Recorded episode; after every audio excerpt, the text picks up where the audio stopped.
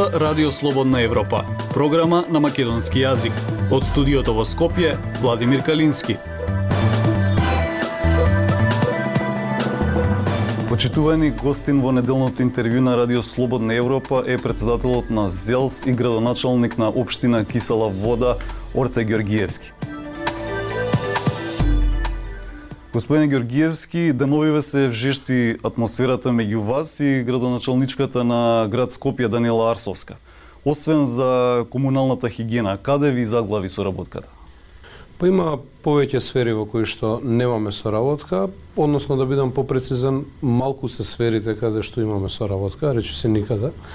И тоа се случува не изминатиот месец дена, не изминатава недела дена, туку со месеци на за тоа трае а, ние практично имаме блокада активна на секое поле од страна на градот Скопје и јавните предпријатија и целата ситуација, знаете, и самите кулминираше вечерта кога ние практично влеговме да завршиме работата како градоначалници од скопските општини на оние кои што треба да си ја завршат работата, а ја немаа завршена работата.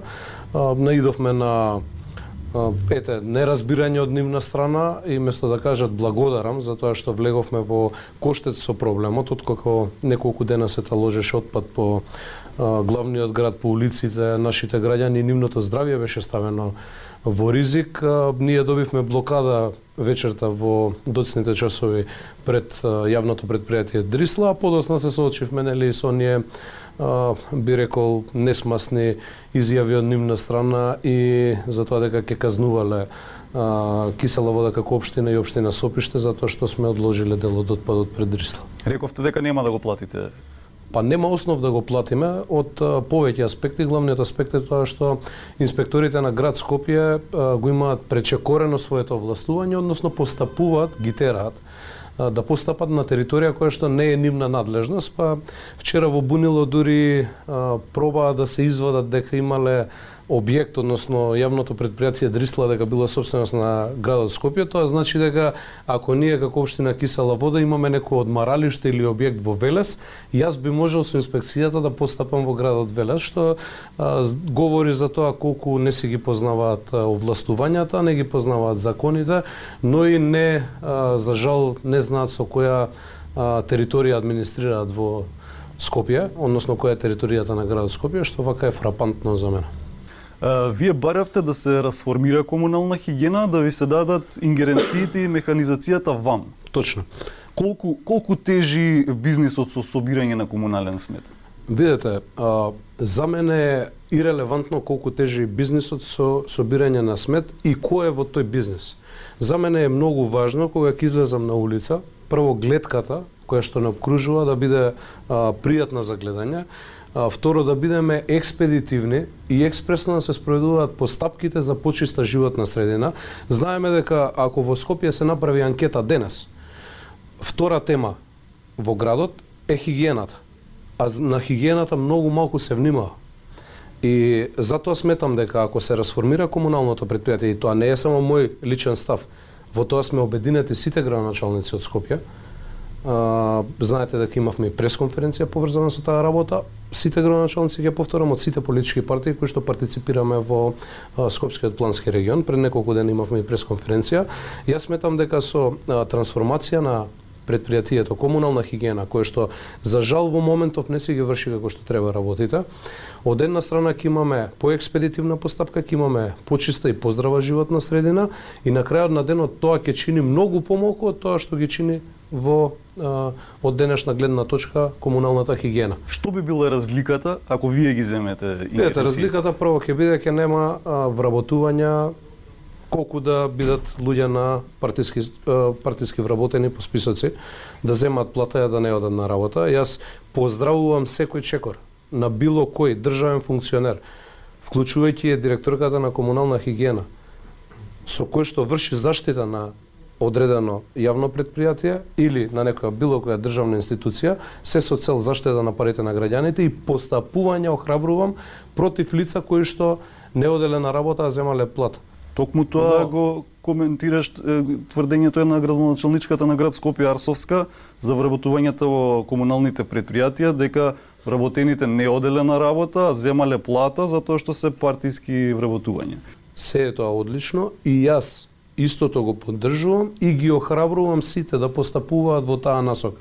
Но главното прашање што беше договорот до сега и со кого се преговарало и договарало за после две години вие како менаџер на една институција да сватите дека имате над 30, 40, 50 на лица кои што не оделе на работа и земале плат. Што правеа две години? ако две години на некој му се потребни да свати како менаџер дека има повеќе од 50, 60 или не знам колку плати кои што завршуваат напразно во нечи джеб, тогаш што станува збор и ние што да очекуваме за реализација на некои други реални и сериозни проекти кои што треба да се инвестираат, да се инвестираат и да се реализираат за да се подобри животот на нашите сограѓани. Дали вие можете да ја кажете не на вашата партија ако ви бара вработување на пример? Па мене партијата не ме побарала изминатава година и 7-8 месеци од кога сум градоначалник, а, ниту еден да го вработам од партијата ниту пак јас сум човек кој што ќе дозволи некој да му се јави и да му каже треба да вработиш некого а, или тој тој треба да биде на список ставен за да зема плата, а да не оди на работа. СДСМ ве обвинува дека и вие сте дел од проблемот со сметот во Скопје и дека граѓаните не ги интересирало што сега се каете што сте дале поддршка на Арсовска за градоначалничка на Скопје. Како го коментирате ова? Ете вака, не треба никогаш да заборавиме дека пред да биде номиниран, односно да биде а, истакната како независен кандидат Арсовска, на која што и дадовме многу луѓе поддршка, за кој што јас јавно сум кажал, јас сум политичар, но исто така сум и обичен човек. И често пати кога како и секој човек јас можам да направам грешка, кај мене доблеста е во тоа што јас знам да си признам и да се извинам за тоа. Јас многу пати го кажав тоа дека длабоко се кајам што сум дал поддршка за господја Арсовска. Арсовска за изборите беше едната страна на приказната, како независен кандидат и менаджер, кој што многу ветуваше. Од другата страна, ние го имавме Петре Шилегов, еден од најнеуспешните градоначалници во Скопје. И не треба тоа да го заборавим. Човекот кој што конкретно за мојата општина, за 4 години има испишано 4 празни листа, односно нема испишано ништо. Еден проект нема сработено во општина Кисела вода.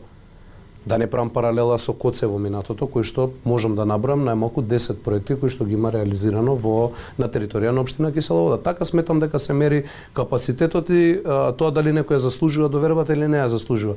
За жал, изминатава година и 7-8 месеци, Данела Арсовска се стреми да стане полош градоначалник од Петр Шилегов. Јас не можам да разберам, но а, околу обвинувањата на Социјалдемократскиот сојуз, на луѓето кои што има најнекадарни кадри за градоначалници 4 години, кои што практично пустош направија на секаден из Македонија, вклучувајќи еве и кисела вода каде 3,5 милиони евра ја остаја општината во долг без реализација на ниту еден капитален проект. На ниту еден капитален проект. Во услови кога и асистираат на Данела Арсовска, А тоа го видовме со асистенција на МВР вечерта кога беа вадени камиони од комуналната хигиена поради паниката што ги фати дека некој друг ќе им ја сработи работата, а јавноста би ги осудила за тоа. Гледаме дека вчера јас доживав напад од Социјалдемократскиот сојуз поради тоа што јас ја нападнав, односно ја кажав вистината за Данела Арсовска и за тоа дека излегува од овластување, ги втурнува своите инспектори во лоша состојба од која што ќе треба да одговараат утреден. Затоа што ќе треба за тоа да се сочиме на суд. СДС во безидејност пробува мене да ме обвини дека јас сум бил виновен, а практично они асистираат во целиот процес. Тоа е парадокс. Во врска со расадник, таму беше стопирано градењето, докаде е работата, односно дали целосно се откажавте од градење во расадник? а, видете за Расадник, јас согласно и ветувањата мои во кампањата, кажав дека ќе се креира детален урбанистички план по волја на граѓаните по пат на меѓународен конкурс за избор на идејно решение.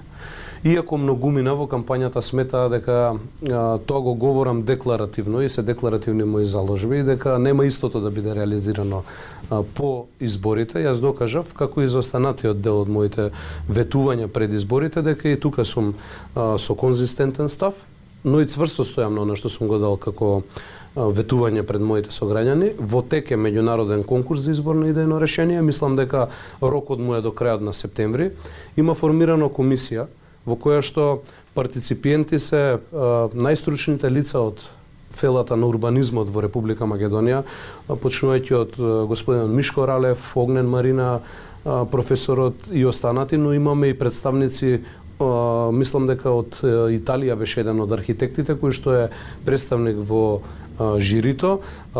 Целата постапка се води под покровителство или раката врз целиот процес има стајано и UNDP, што е многу важно за мене, но партиципираат и во телото а, собственици на плацеви, кои што има таму, затоа што не е тоа целосно државна собственост, туку некаде околу 80% е приватна собственост и партиципираат граѓани кои што беа во минатото дел од протести кои што се организираа таму, едно тело расанек за можности.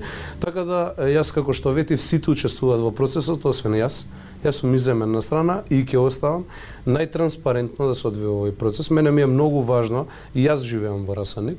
Ми е многу важно што спречив прво а, една катаклизма да се случи таму од 99 висококатници кои што беа планирани.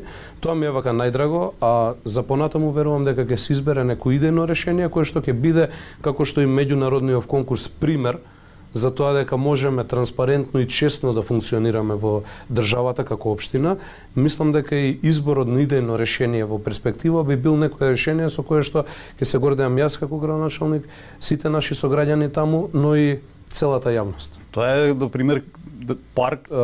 Изборот ќе зависи од идејните решенија кои што ќе стигнат до комисијата може да стигнат најразлични видови на предлози за идејни решенија. Дали ќе биде парк, дали ќе биде таму мораме да имаме ние образовни институции, тоа не е ставено во начелата кои што мора да ги исполнуваат како услови за да партиципираат. Значи необходен ни е еден соборен храм, ние во Кисела вода немаме соборен храм, знаете самите. Имаме неколку цркви, но соборен храм немаме голем. необходна ни е градинка таму на тој потек необходно ни е таму се наоѓа има земјоделски факултет и земјоделскиот институт простор, необходно ни е високо образование да се предвиди, основно образование и уште многу уште многу други работи кои што се од јавен интерес, кои што верувам дека ќе бидат опфатени таму. Дали во Зелс ќе биде отворена некаква постапка за градоначалникот на Струга Мерко откако беше ставен на црната листа на САД? Видете, ние не сме тело кое што може да отвори постапка. Ние на наредната седница ќе разговараме на оваа тема, но што е суштината? Рамис Мерко не е член на управен одбор на ЗЕЛС. Ниту пак е член во било кое тело. Член во а, структурите на ЗЕЛС е општина Струга. Денеска е таму Рамис Мерко, утре може би ќе биде друг, заутре може би ќе биде трет. Што е суштината? Јас можам да говорам лично што мислам за тој за тој случај. Еве, и ќе кажам јавно, јас да бев на местото на господинот Мерко, а, после таква состојба од наш стратешки партнер и такви изјави, најмалку што ќе направев е за првите 24 часа ќе си поднесев оставка од позицијата која што имам а, и не, никако не би се сокрил од јавноста, би го кажал тоа јавно и транспарентно.